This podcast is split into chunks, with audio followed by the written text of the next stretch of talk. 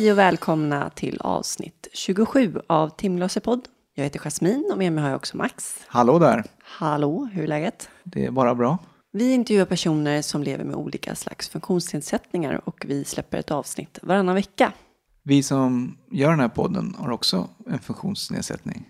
Jag råkade ut för en dykolycka för många år sedan och bröt nacken och har en ryggmärgsskada, förlamad ovanför bröstet och ner och nedsatt funktion i armar och händer. Jag är typ samma fast jag fick en inflammation i nacken. Vi vill sprida kunskapen om hur det är att leva med en funktionsnedsättning i Sverige och eh, öka förståelsen för hur det är.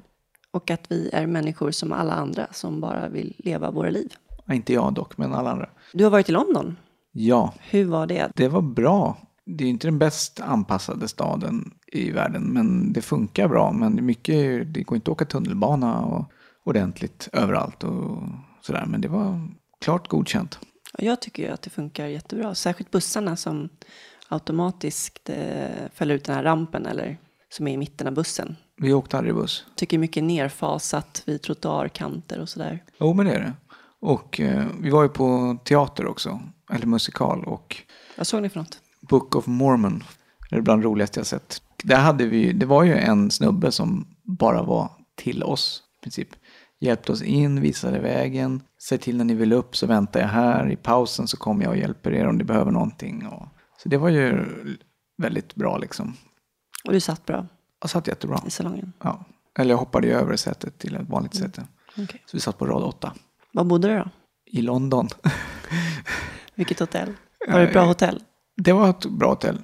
Jag hittade hotellet via welltrips.com som Sebbe som jag intervjuat i en tidigare intervju har varit med och startat. Ja, det filtrerar alla anpassade hotell i världen. Jag ringde för säkerhets skull till hotellet och de hade faktiskt redan fixat ett handikapprum. Så man behöver inte liksom, det funkade via hemsidan. Coolt. Ja, det är inte för första gången. Nej, för jag har ju lärt mig en sak. Att även om ett hotell säger att de har ett handikappanpassat rum så betyder det ju inte att det är den standard som man är ute efter. Nej, nej, det är verkligen inte.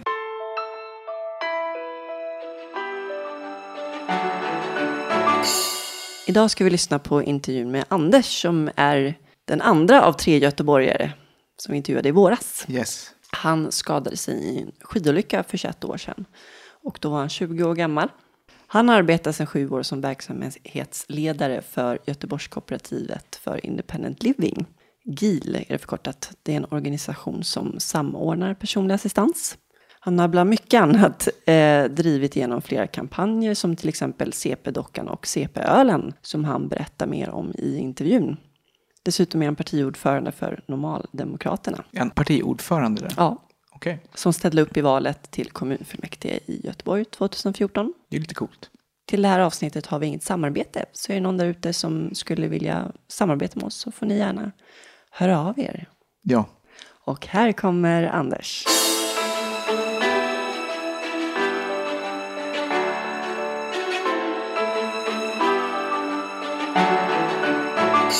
Okej, då är vi i Göteborg. Och vi sitter här med Anders. Hur är läget?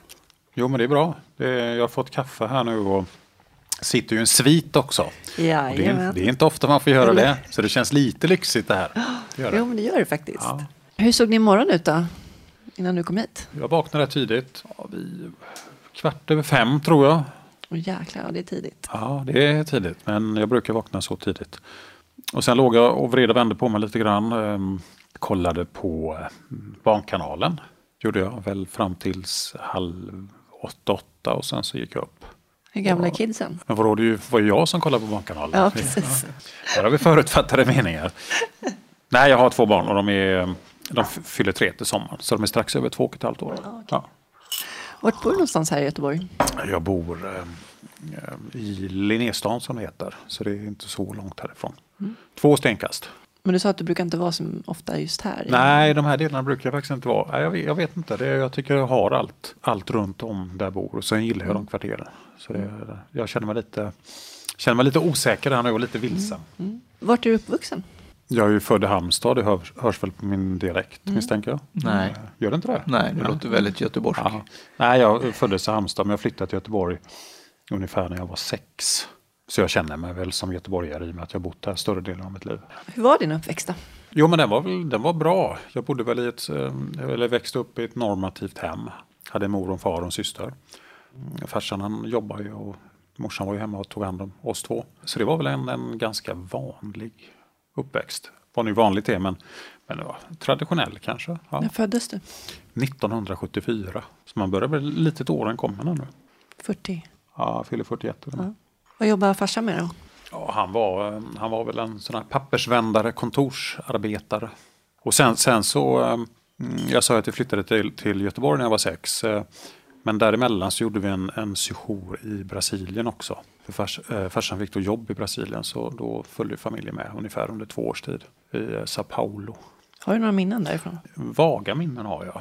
Sitter ju inte som ett smäck i huvudet men eh, ja, visst har jag minnen. Bildminnen kan jag tänka mig. Alltså, Ja, det man är mest, mest, mest bildminnen. Tyvärr så eh, språket har jag helt och hållet tappat. Men då när vi bodde där så pratade jag ju bättre portugisiska än svenska.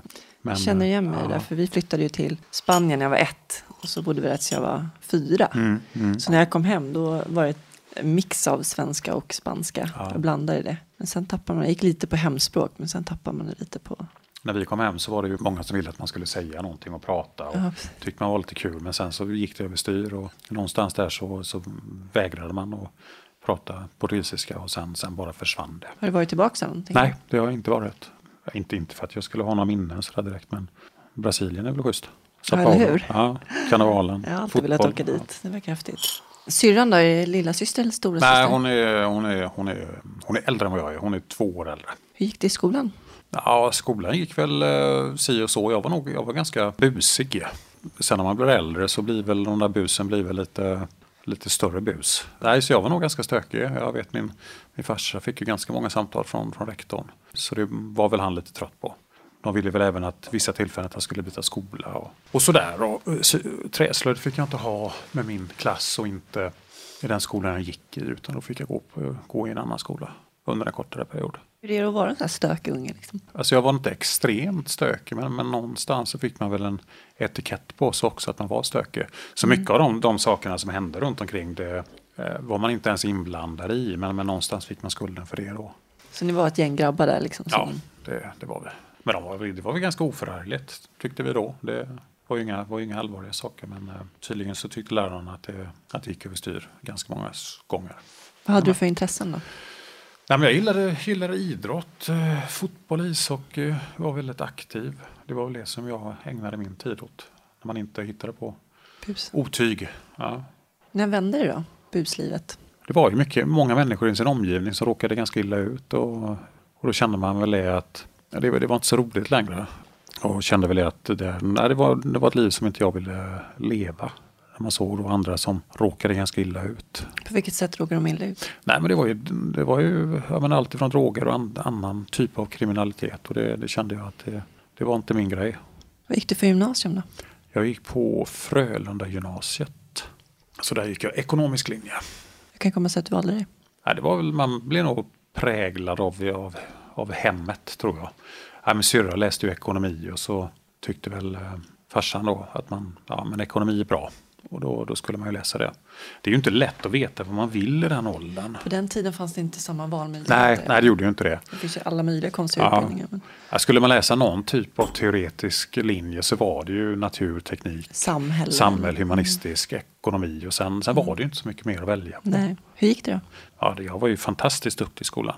Nej, jag, jag var väl en medelmåtta. Jag tyckte inte det var så jättekul i skolan. Jag la inte ner speciellt mycket energi heller.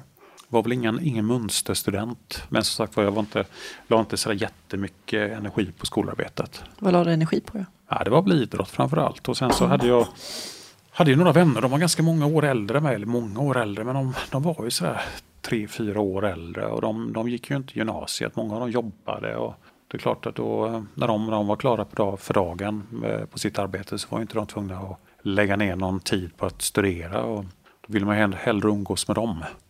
Efter gymnasiet då? Vad hände då? Ja, då skulle man ju erövra världen, trodde man ju. Var ju inte speciellt sugen på att plugga. Och ekonomi var inte så där jättekul. Jag, jag, kläder och mode tyckte jag var roligt. Så något inom det var väl det som jag skulle vilja syssla med.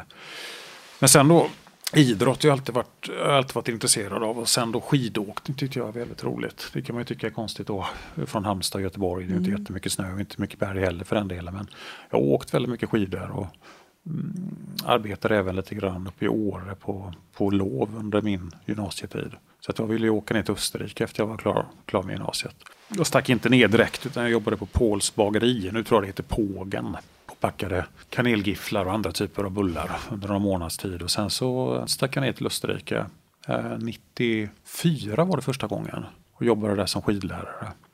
Eh, och det tyckte man ju var fantastiskt att dels kunna åka skidor varje dag. Och sen att få lära andra människor att åka skidor och befinna sig i den miljön. Det, det var ju gott tyckte man ju. Sen efter det, när säsongen var slut, då åkte jag tillbaka till Göteborg och fortsatte jobba på Pågens. Och sen så skulle jag väl rycka in i lumpen.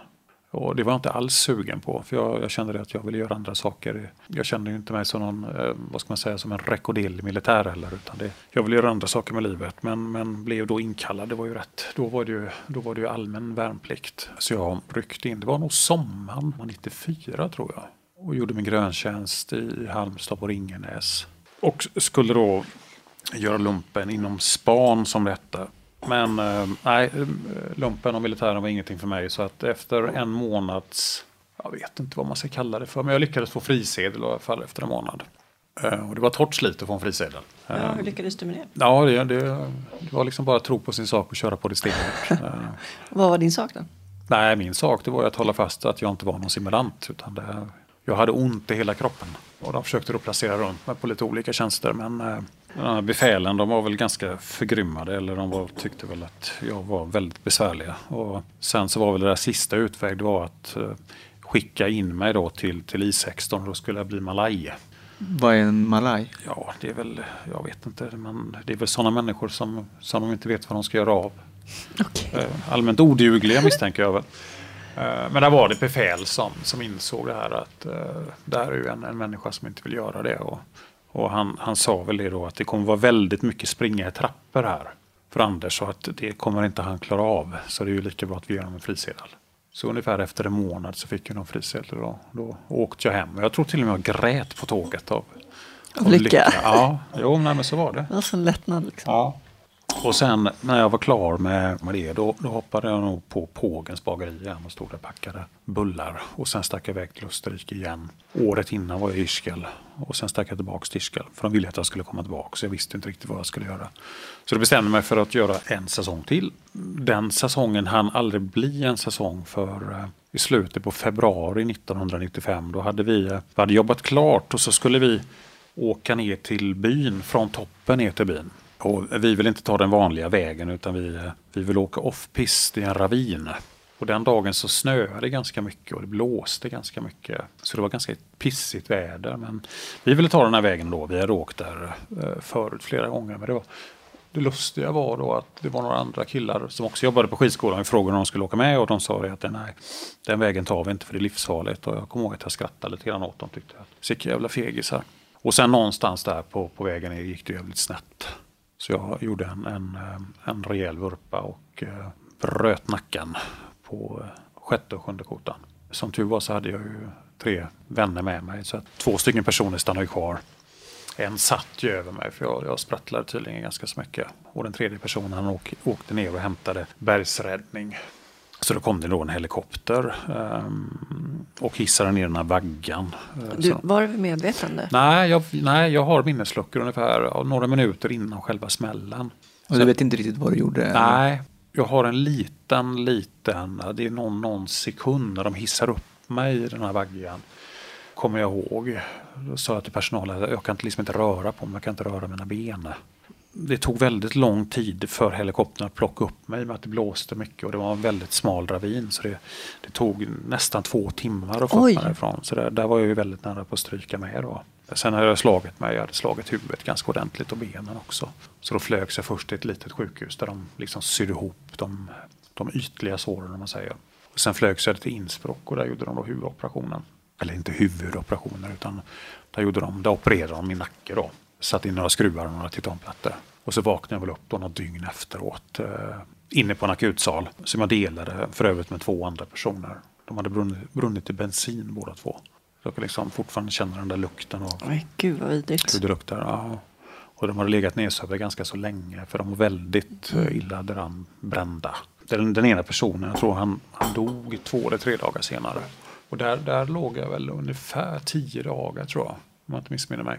Jag fick väl frågan om jag ville köra rehabiliteringen i, i Sverige eller Österrike och det är ju en väldigt främmande fråga. Men man, man har ju ingen aning om vad det är som har hänt. Jag menar, när, när läkarna sa det att du har brutit nacken på, på C6, C7, det var ju inte det att jag med en gång konstaterade att eh, ja, gör man det så, så händer det detta och detta med kroppen. Nej, det, var ju, det var ju helt främmande för mig. Nej, jag hade inte heller någon aning. Nej, bryta nacken, det var väl någonting som man det var ju det värsta man kunde råka ut för. Dog man ju ungefär. Ja, det förknippade ja, man med döden. Ja, liksom. det, det, det liksom, då, då dog man. I actionfilmer mm. liksom knäcker ja. nacken på folk och så dör man liksom på fläcken. Då dör man på fläcken. Men, Men vad, vad, tänkte du då när du, inte, när du låg där och inte kunde röra dig? Och det är så länge sedan nu. Det, jag skadade mig 95 så det är 20 mm. år sedan. Men... Mm. Grattis! Det är 20-årsjubileum. Ja, det är 20-årsjubileum.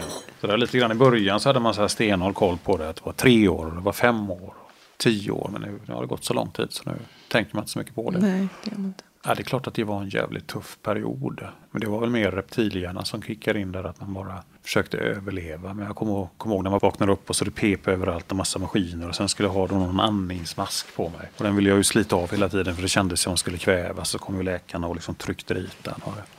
Ja, det, var, det var en panikkänsla. Men ja, jag, fick, jag fick välja om jag ville köra rehabilitering i Österrike eller Sverige. Men jag kände väl det att någonstans är det väl viktigt kanske med familjen och vännerna. Och, Absolut. Eh, och den biten. Så jag valde då att eh, förflyttas till Sverige. Så jag tror det var, jag kommer inte ihåg om det var sju eller tio dagar. Då, då flögs jag till, eh, till Sverige. Det var ganska dåligt väder då. Så de, de vågade liksom inte skicka iväg mig utan de följde då väderprognosen ganska så rigor, rigoröst. Um, och sen så började det så att säga väder, eller bättre väder var på intåg och då sa de att nu är det dags för dig att flygas hem. Och då kom det en dagen innan, eller kvällen innan, så kom det en läkare från eh, SOS. Det var en dansk läkare och han beskrev då vad det var som skulle hända. Och sen gick han hem. Och så kom han på morgonen och eh, då kom en ambulans först som körde mig från Innsbruck, eller oss från Innsbruck till München. Och sen så eh, från München till Köpenhamn och sen Köpenhamn, Göteborg. Och sen på Göteborg på Landvetter så väntades, eller väntade då en, en ambulanstransport och sen så kördes, kördes vi till eh, Sahlgrenska, till avdelning 12 som är ryggmärgsskadeenhet. Den heter avdelning 28 numera. Men där skulle jag då spendera sex månader av mitt liv. När förstod du hur omfattande din skada var? Nej, men någonstans så har man ju, man har ju ett hopp någonstans. Och det, det här händer ju inte mig. Utan jag skulle ju sitta i rullstol i några månader. Sen skulle jag ju sen skulle jag vara uppe och gå igen. Det var väl en tanke som man höll fast vid ganska så länge. Och det var väl ett sätt att skydda sig från verkligheten också. Men, men läkarna var ju, de var ju ganska tydliga med att jag aldrig mer skulle gå. Men det är klart, de tyckte man själv att de vet ju inte vad de pratar om. Utan jag skulle minsann gå. Och likadant, men jag vet rekryteringsgruppen kom ju upp då med så kallade ja, förebilder eller människor som, som har gått igenom samma sak och, och som skulle stötta en i det där arbetet. Det provocerade dig kanske? Ja, jag kommer ihåg att jag blev fly förbannad. Jag ville minsann inte prata med den personen utan det, den personen kunde vända med en gång för att jag skulle inte sitta i rullstol. Så att jag ville inte lägga min tid och, och prata med någon som var rullstolsburen.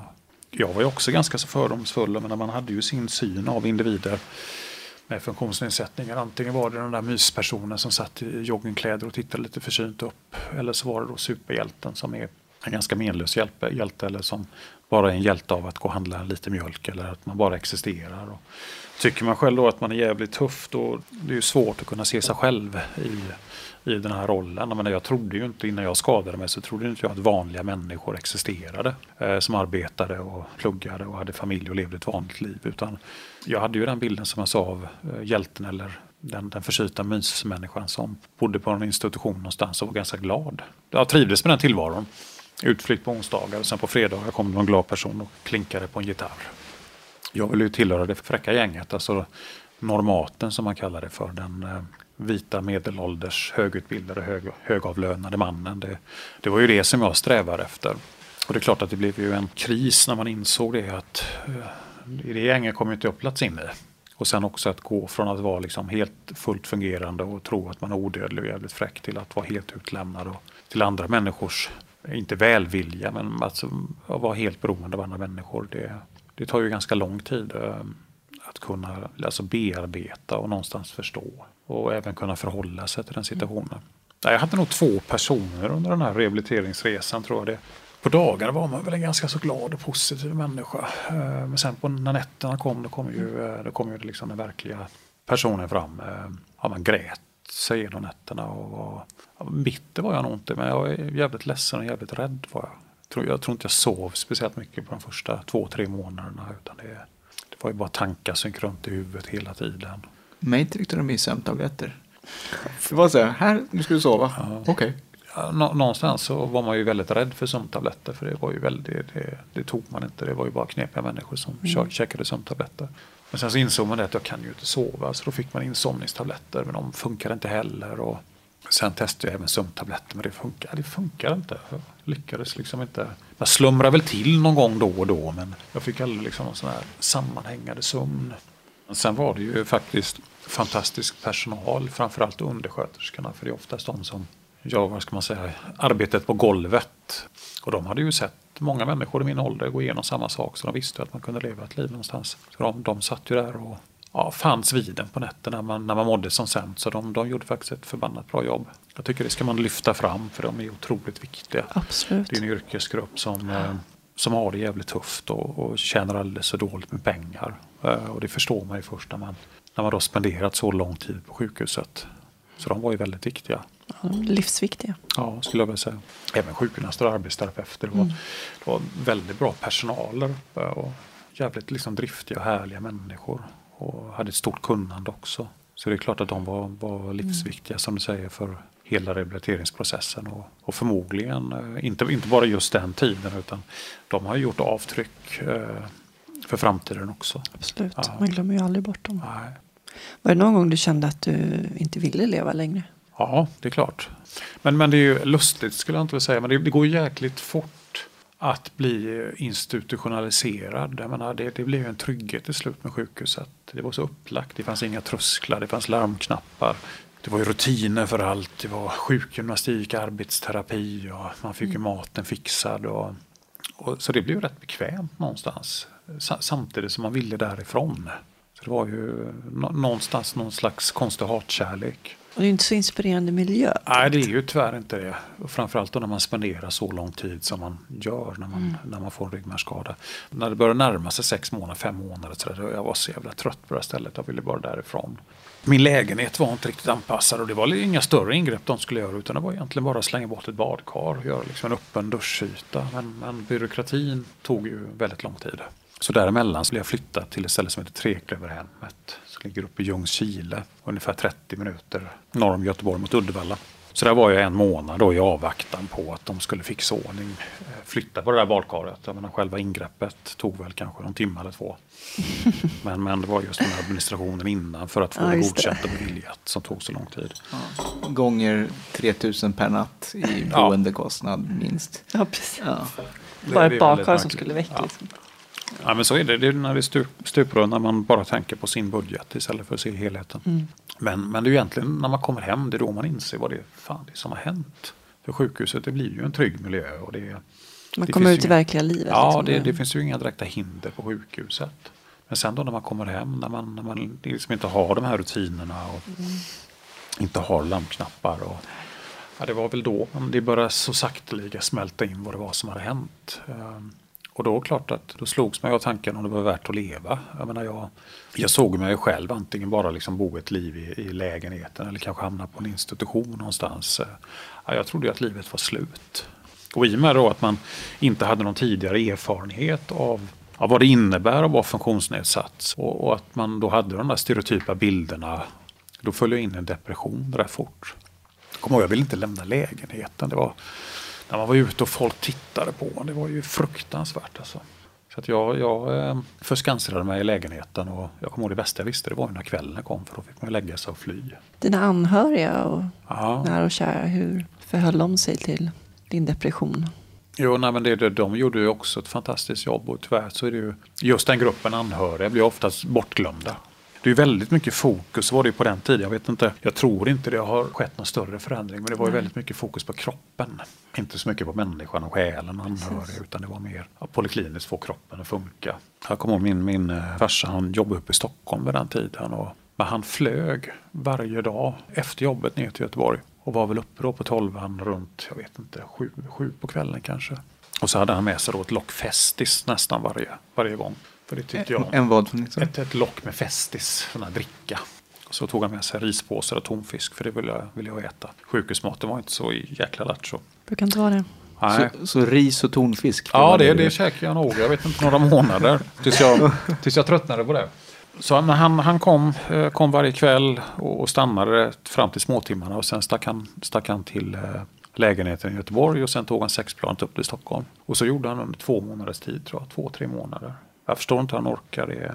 Jag tycker det är helt beundransvärt. Någonstans så började jag tröttna på den här festis, festisdrickan och tonfisken. Så jag sa det att du behöver inte komma hit varje dag utan det, det, det räcker om du kommer hit någon gång då och då. Och då blir det ju lite glesare då. Jag menar, det, någonstans måste han kunna fylla på för att kunna ge tillbaks.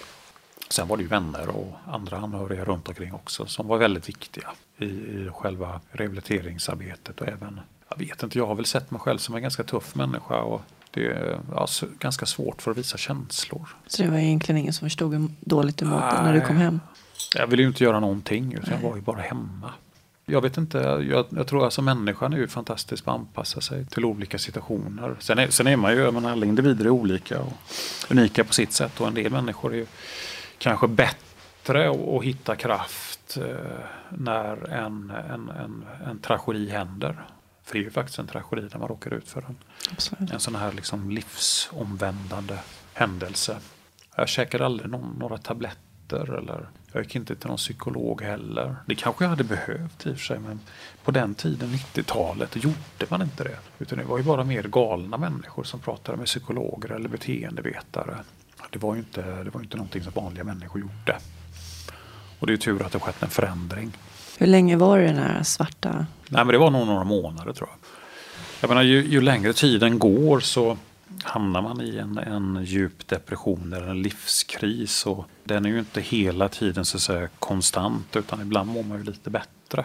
Under de stunderna så, så tänkte man ju tillbaks på saker och ting som man gjorde. Och kände väl det att ja, jag kan ju inte göra saker och ting likadant men, men eh, jag har nog en möjlighet att kunna göra en del saker fast på ett annorlunda sätt. Och i kombination med att jag någonstans när jag låg där nere på botten och var på väg att, att drunkna om man så säger så, så bestämde jag mig för att simma uppåt igen och försöka göra någonting av mitt liv. För det är faktiskt bara jag i slutändan som kan ta ansvar för mitt liv.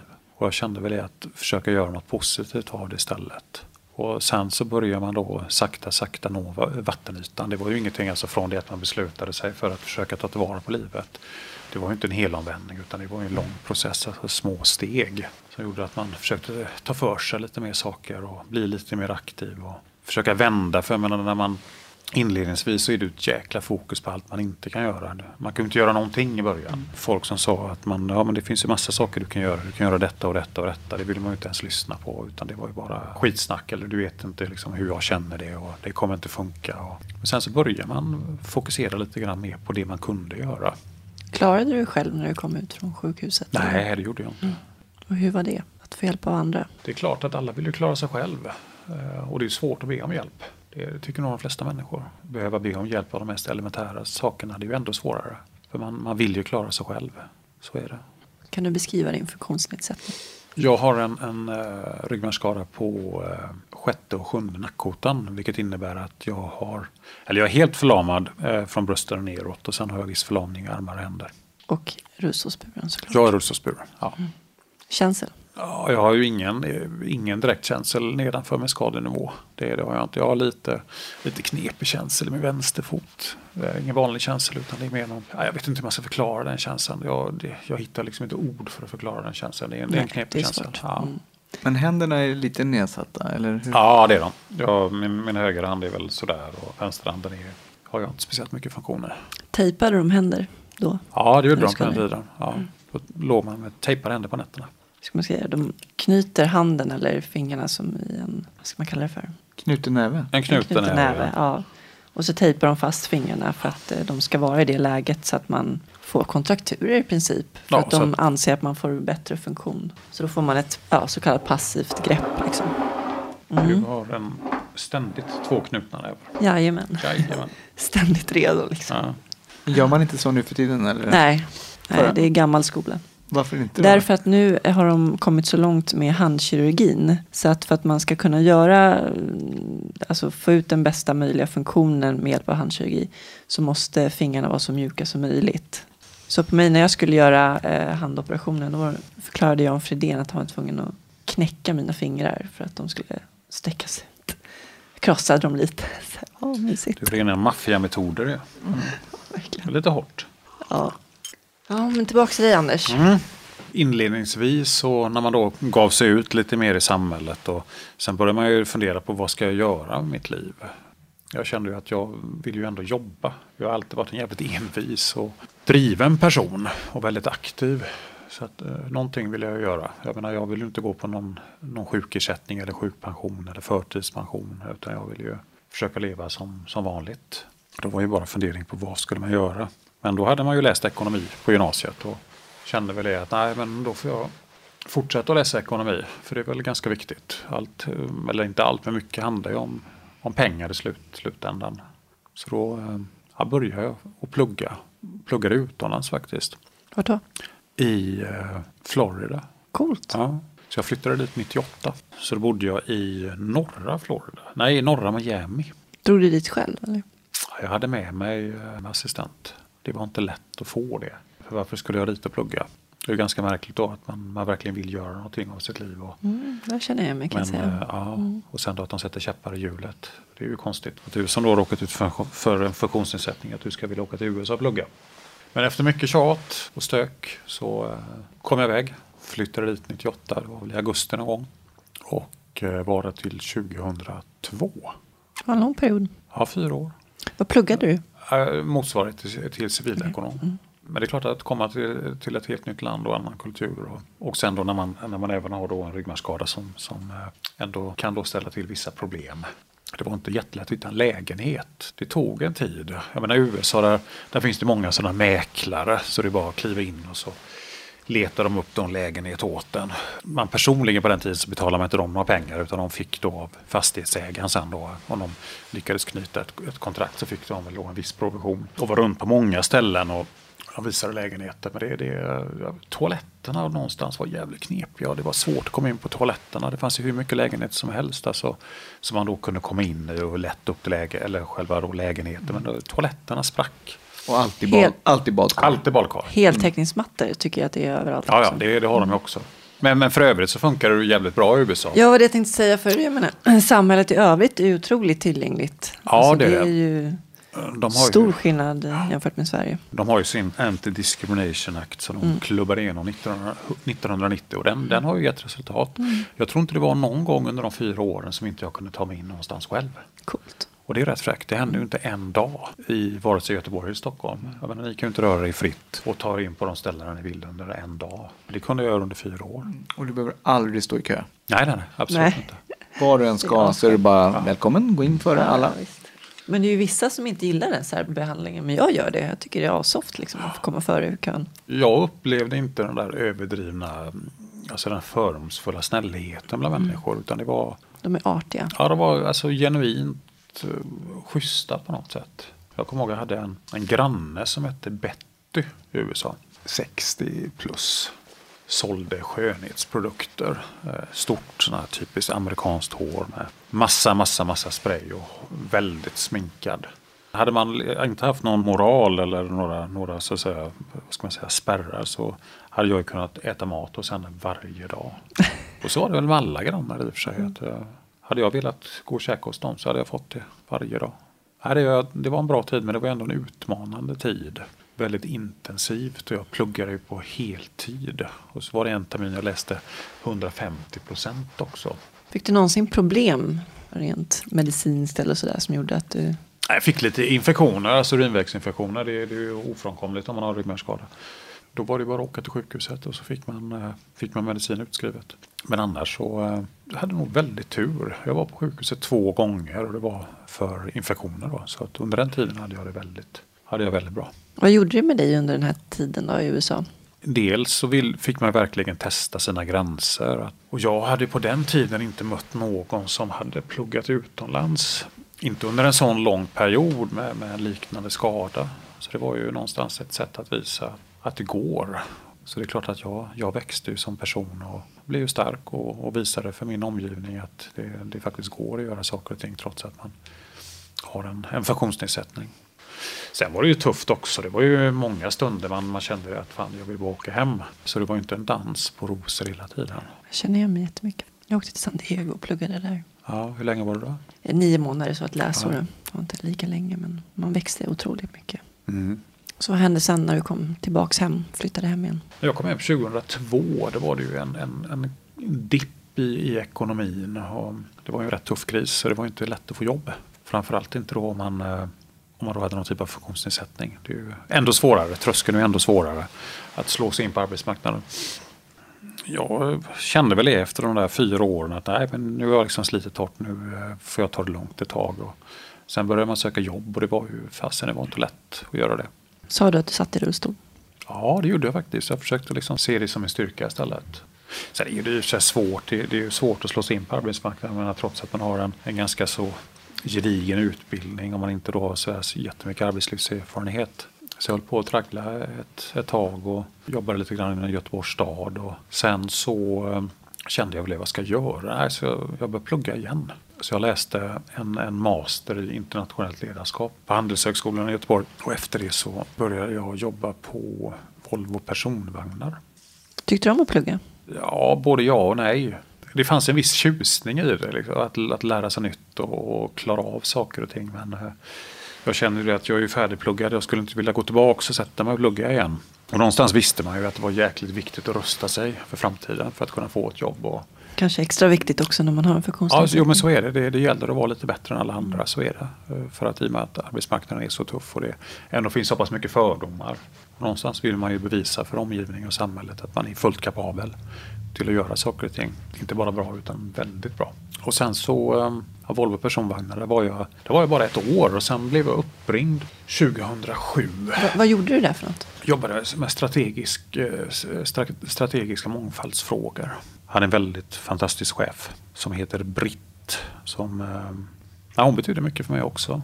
Har fortfarande kontakt med henne. Nej, nu, var det, nu har jag lite faktiskt dåligt samvete för nu var det ett tag sedan jag hörde av mig till Britt. Efter jag slutade på Volvo så brukade vi fika eller liksom ta en kaffe och, och bara köta skit. Och sen blev jag uppringd 2007 av ett rekryteringsföretag eh, som frågade om jag var intresserad och började jobba som verksamhetsledare på ett assistansföretag som heter GIL i Göteborg. Jobbade du heltid hela tiden Ja. den här perioden? Det gjorde jag. Och den här personen frågade om jag var intresserad av att jobba som verksamhetsledare på GIL. Jag kände bara nej, det, det, jag tycker det räcker att vara funktionsnedsatt på fritid. Jag vill inte jobba med det.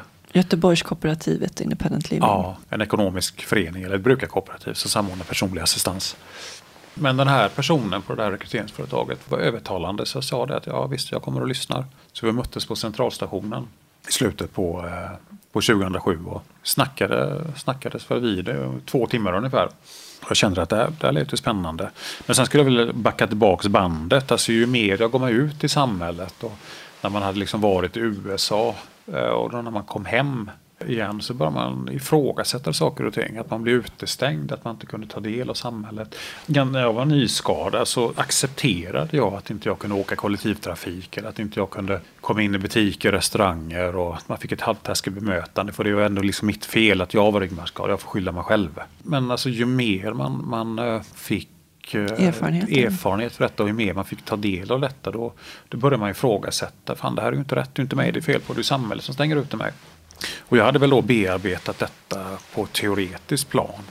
Jag kände väl att jag visste inte riktigt hur jag skulle liksom kunna kanalisera ut detta, hur jag skulle kunna påverka. Utan det var något mer som bara pyrde runt i mitt huvud.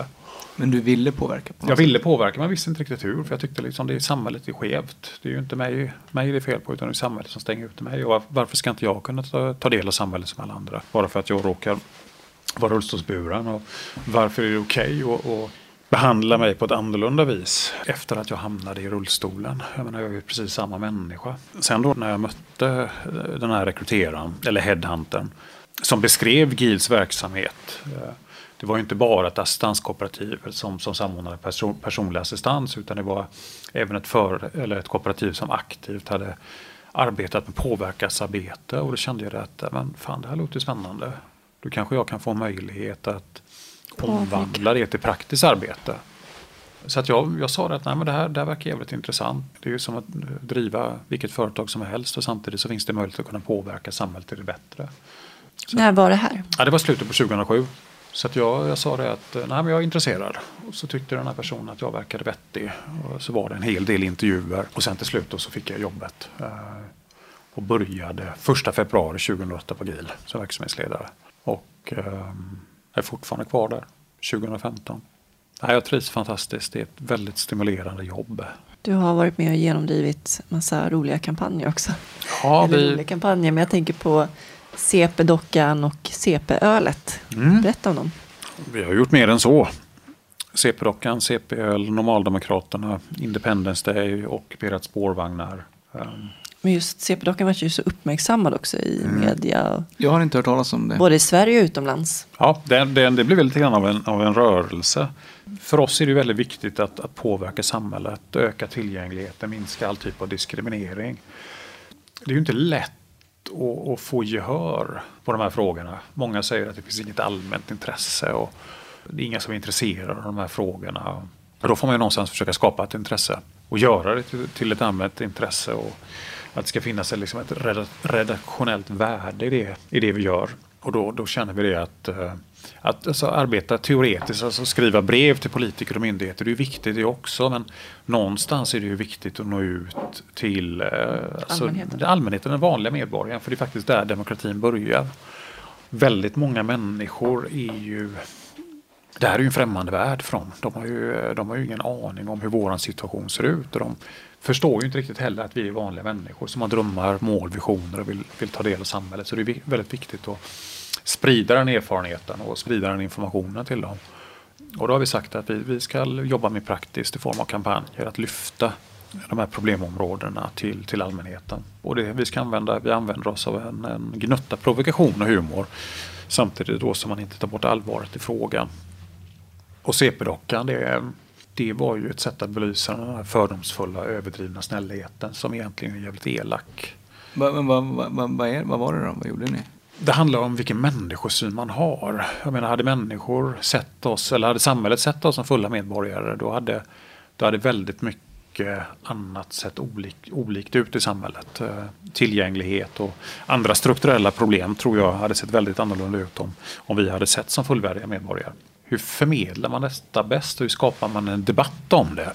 Och det mynnade ut till att vi gjorde en, en docka i plast som vi kallar för CP-dockan GIL eh, med en tydlig funktionsnedsättning. Vi använder CP bara för att det är ett ganska så provocerande ord. Ja, stigmatiserat. Eh, väldigt laddat. Mm. Det är ju någonting man använder för att klumpa ihop folk och det är jävligt nedvärderande. Och samtidigt som att det, det, det är ju någonting som man använder för någonting som är kast eller som inte fungerar. Det är egentligen bara att ställa sig på en skolgård så har man ju CP ganska så ofta för någonting som är dåligt. Sen kände vi också att nej, vi vill liksom reclaima det här ordet, använda det på rätt sätt. Så vi gjorde en docka i, i en begränsad upplaga. Vi gjorde några hundra dockor, så det var ju, alltså dockan i sig var ju inte ett sätt för att sälja den. Utan det var bara ett sätt att skapa debatt. Så vi skickade ut den här dockan i maj 2012 till de 30 30 största nyhetsredaktionerna runt om i Sverige. Och efter det så tog det ju en jäkla skruv. Alltså det, dockan blev världskändis, eller åtminstone Sverigekändis på över en natt. Och eh, skapade väldigt mycket debatt och fick väldigt otroligt stor medial spridning. Och syftet var ju att nå ut till de människorna som var eller är väldigt fördomsfulla. Det var ju de som ryckte ut i försvar och tyckte att dockan var det var fruktansvärt eh, att man kunde då göra en docka som är så ful och har en tydlig funktionsnedsättning och att man gjorde narr av individer med CP-skador. Men det var ju liksom de individerna vi ville åt. Hur bemötte ni den kritiken då? Ja, det, det, tog, ju, tog ju inte speciellt lång tid innan folk förstod eh, liksom, budskapet bakom dockan. Sen fanns det väl vissa personer, och så är det ju alltid, jag menar, det som, som inte förstår eller förstår budskapet eh, trots en förklaring. Samtidigt så är det bra, men en debatt lever ju bäst om det finns motpoler. Är det bara jag säger så, så dör ju debatten ut.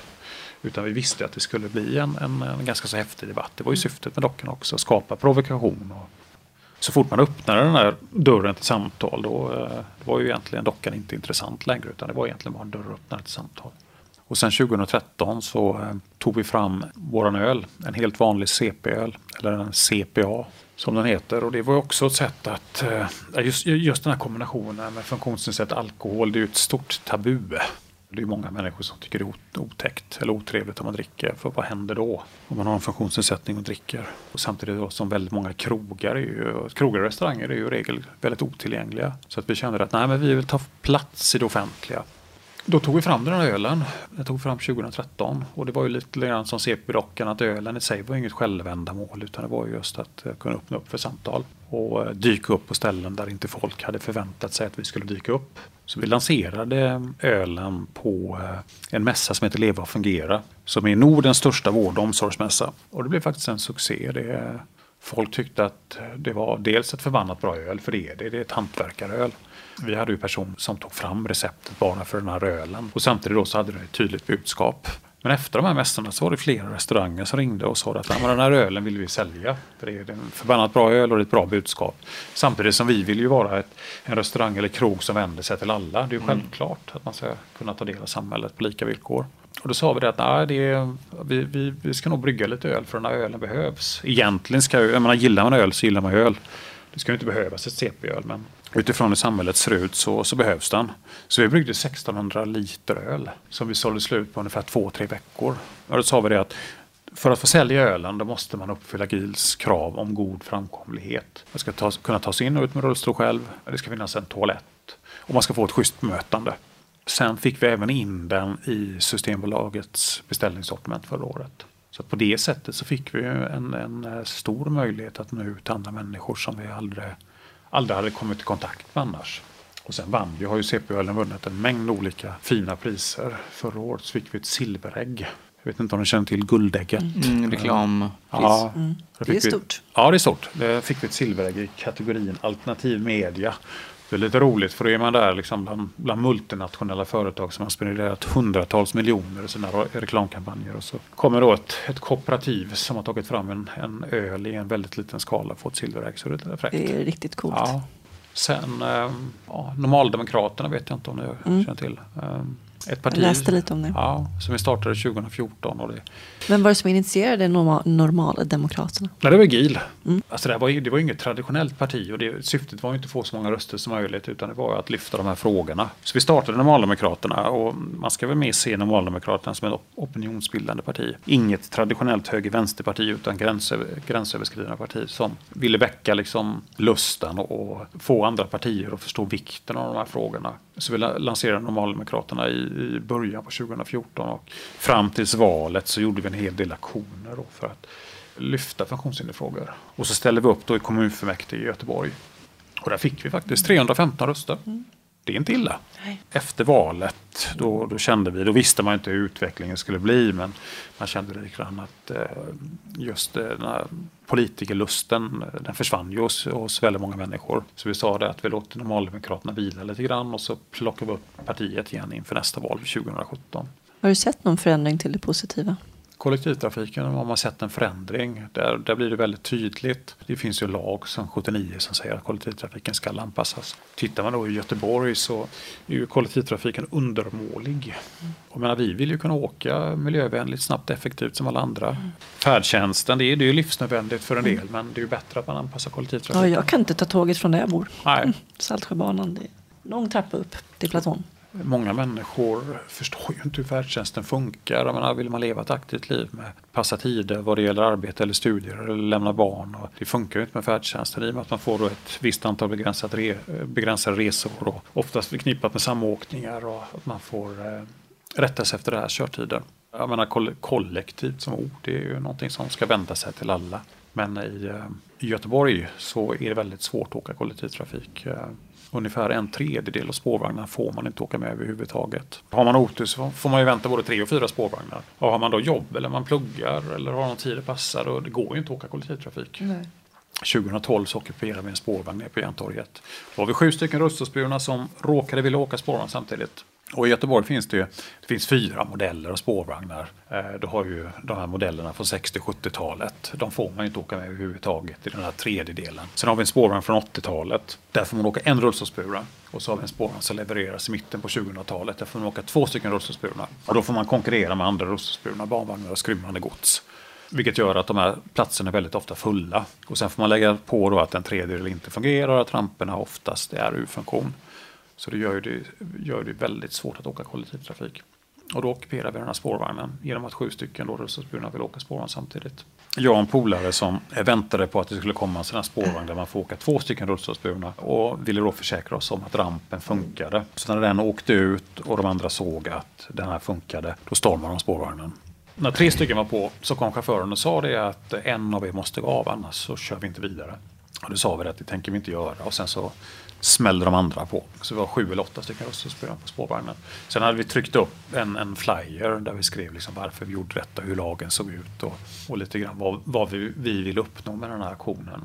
Ja, så delade vi ut det till, till våra medresenärer och hade även gjort en liten tablettask med ett budskap. Och det var faktiskt inte någon på spårvagnen som blev liksom förbannade på oss. Tvärtom. Det var faktiskt några som stannade kvar och stöttade vår manifestation. Och de blev förbannade utifrån och visste inte hur situationen såg ut och hur dåligt det var. Busschauffören då, hur agerade han? Nej, hon, eh, hon eh, samtalade med oss en stund och sen så insåg hon väl att eh, det här är personer som inte tänker kliva av. Så hon kontaktade väl eh, deras eh, ledningscentral misstänkte jag och sen så kom ju polisen. Ett yttre befäl efter 20 minuter och kom in och sa det att eh, ja, han förstod då att vi var upprörda och att vi skulle få framföra våra åsikter. Och sen skulle han återkomma. Sen kom det mer och mer och mer poliser. Sen spärrade de av en del av Järntorget. Och till slut var det 20-25 poliser nere på Järntorget. Herregud. Sju stycken rullstolsburna som råkade vilja åka spårvagn samtidigt. Sen efter en timme så kom befälet igen och sa det att nu får ni tio minuter på er att kliva av. Gör ni inte det så blir det ohörsamhet mot ordningsmakten. Och då kände vi det någonstans att nej, vi, vi har ändå fått möjlighet att framföra våra åsikter så vi, vi kliver av. Men vi blir ju besvikna att inte någon eh, från Göteborgs stad eller Västtrafik eller någon annan som är berörd av kollektivtrafiken eller som, som utför kollektivtrafiken och har ett ansvar att de kunde komma och möta oss i dialog utan att skicka polisen istället. Så vi sa att vi väntar en vecka till. Har vi inte hört någonting då gör vi en ny aktion. För här nere i Göteborg är vi inte fega. Men sen efter tre dagar så kunde vi inte hålla oss. Vi gjorde liksom en liten sammanfattning och publicerade på Västtrafiks Facebook-sida. Och det tog det väl tio minuter och så ringde de till mig och så ville de ha ett samtal. Och det fick vi. Så vi möttes väl ungefär i en och en halv timme och vi framförde våra åsikter och sa det att där och där kan du göra bättre och på det här sättet. Jag menar, vi, vi är inga bråkstakar utan vi vill bara göra kollektivtrafiken bättre. Och då skulle de komma tillbaka med ett skriftligt svar och det gjorde de, men det var bara liksom en upprepning av befintliga rutiner. Det fanns ingen vilja att förändra någonting eller förbättra någonting. Fick man den där lilla klappen på huvudet igen. Har de suttit och lyssnat på oss i en och en halv timme och då har de gjort sitt. Då blir man ju uppriktigt sagt förbannad. Sen gjorde vi en ny aktion 2013, ockuperade en spårvagn. Och sen efter det så tog vi en ny dialog med Västtrafik. Och sen var det i slutet på förra året, då hade vi möte med tre stycken representanter från Västtrafik. Då skulle vi träffas på GIL klockan 10.30. Men då sa vi det att vi möter det vid Ullevi norra en timme innan. Och så ska ni få åka rullstol till mötet. Och utsatt reste det i 22 minuter. De hade aldrig åkt rullstol i kollektivtrafiken tidigare och det här är ganska högt uppsatt, uppsatta chefer som tar väldigt viktiga beslut. Och då insåg de med en gång att det går ju inte att åka tillsammans. Så vi fick ju splitta på oss. Och det var ju en erfarenhet samtidigt som de fick prova på då och uppstressade chaufförer och medresenärer och svårt att ta sig av och svårt att ta sig mellan de olika hållplatserna. Så det tog 60 minuter för dem att ta sig från Ullevi norra till GIL. Utsatt restid 22 minuter. Men efter den här upplevelsen så insåg de det att det, det är ju helt tokigt att bara två stycken ska få kunna åka samtidigt. Så de gjorde en skrivelse till Transportstyrelsen som då ska möjliggöra att fler än två ska kunna åka spårvagn. Och igår så gick de ut med ett pressmeddelande att de kommer ändra resevillkoren från och med måndag. Mm. Eller från och med den 30 april. Att eh, fler än två får åka på spårvagn. Du, vi har inte pratat om en eh, viktig grej. Kärleken. Kär, är det viktigt? Det är viktigt. Jätteviktigt. Hade du någon tjej när du skadade dig? Nej, det hade jag faktiskt inte. Nej.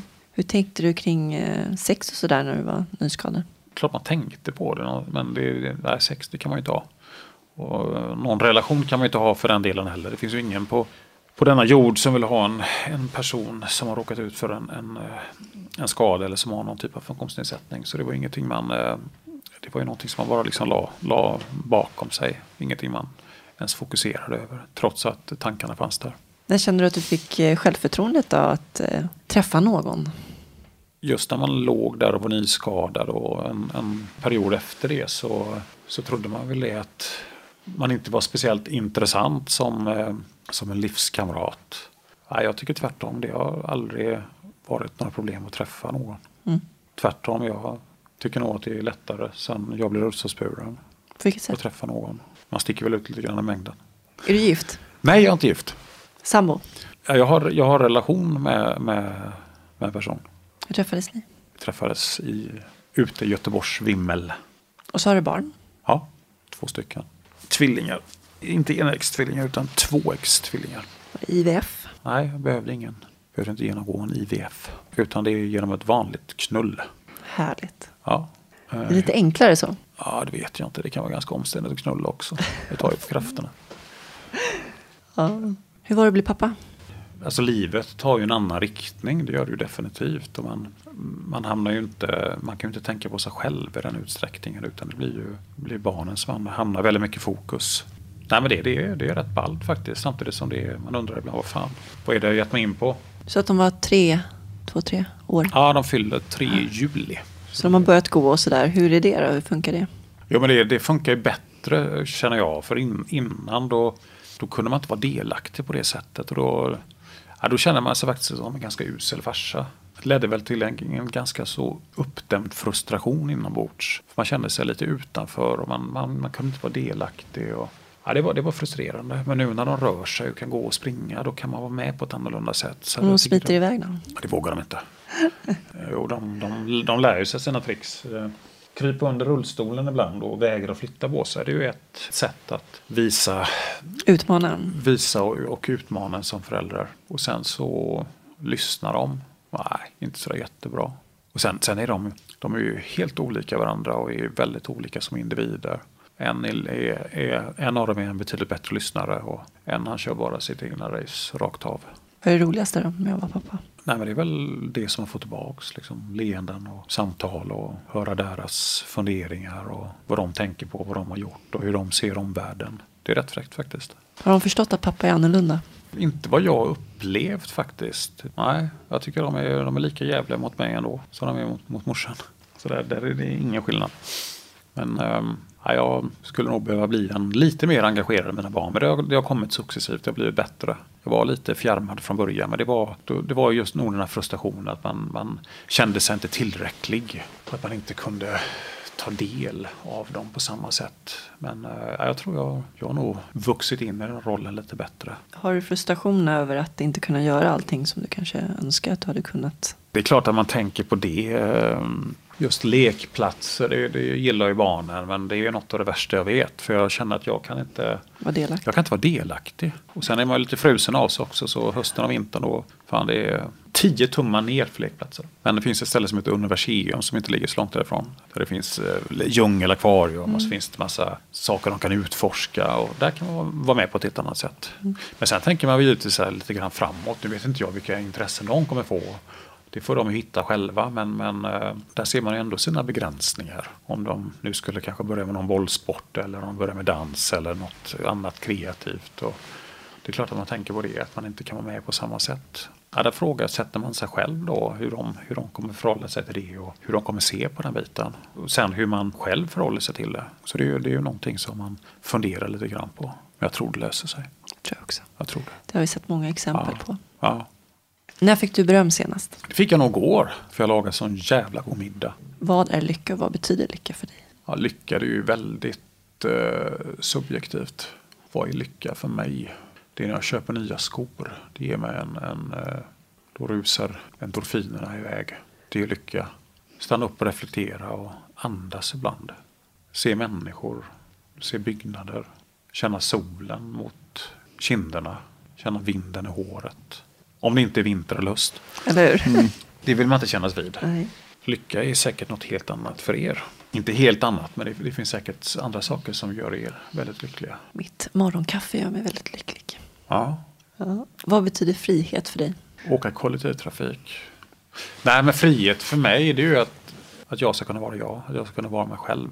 Att kunna ta del av saker och ting. Och att se som en fullvärdig samhällsmedborgare. Det är frihet för mig. Att jag har möjlighet att bestämma över mitt liv.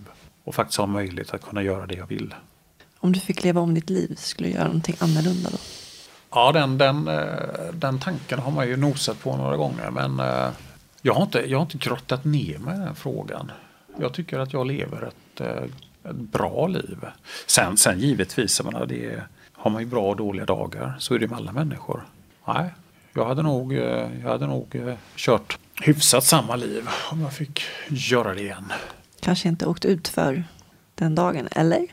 Gjort lumpen istället kanske? Ja, men då, jag vet fan. Jag, jag hade varit en usel militär. Jag hade väl säkert skjutit med foten istället. Vad skulle du vilja säga till någon som inte har någon erfarenhet av personer som lever med funktionsnedsättningar? se människan och som jag sagt tidigare att vi är, vi är som vilka människor som helst som vill kunna ta del av samhället. Och, men tyvärr inte har den möjligheten fullt ut att kunna förverkliga oss själva och i mångt och mycket inte kunna förverkliga alla de mål som vi faktiskt har. Men att vi är som vem som helst. Var det kloka ord eller? Det tycker jag. Det har varit många kloka ord i den här intervjun. Ja, det vet jag inte. Tack så jättemycket Anders. Tack själva.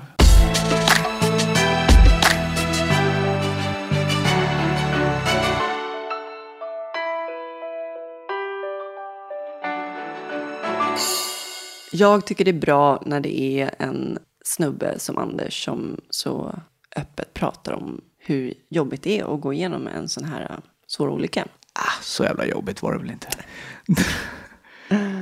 jag rev av den där olyckan. Det var faktiskt någon som kom fram till mig på en fest en gång och bara, det här med att sitta i rullstol, det är väl inte så jobbigt som man kan tro, har jag hört. Bara, eh, jo, det är ganska jobbigt.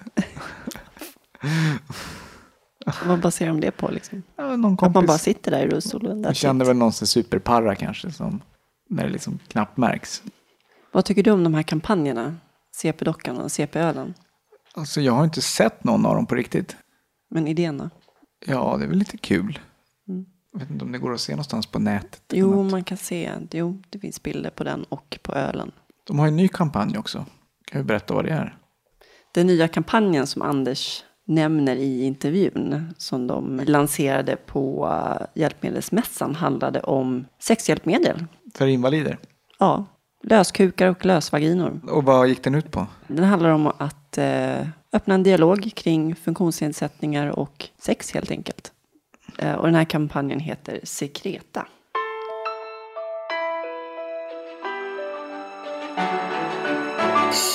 Till nästa avsnitt så kommer Pamela, den tredje göteborgaren. Hon var med om en dykolycka, liksom jag.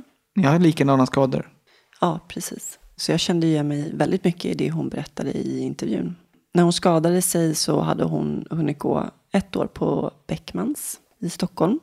Jag måste säga att det här är en väldigt spännande kvinna, kreativ framför allt.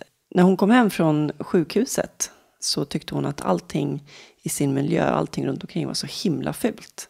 Undrade varför det måste vara så fult, alla hjälpmedel och allting. Och det inspirerade henne till att eh, göra snyggare design av alla hjälpmedel som vi är beroende av och har runt omkring oss. Det behövs kan jag säga. Ja. Hon har nu påbörjat en doktorandutbildning på Chalmers för att doktorera inom transport och tillgänglighet. Och mer om det får ni höra i nästa avsnitt. Vi har en hemsida, www.timglasetpodd.se och ni kan kontakta oss på kontakt timglasetpodd.se och vi finns såklart i sociala medier. Instagram, Twitter och Facebook. Yes, Följ oss där vet jag. tycker jag. Och sprid podden. Och vi har fortfarande inget samarbete, så hör gärna av er på den punkten också. Ha det bra. Hej då.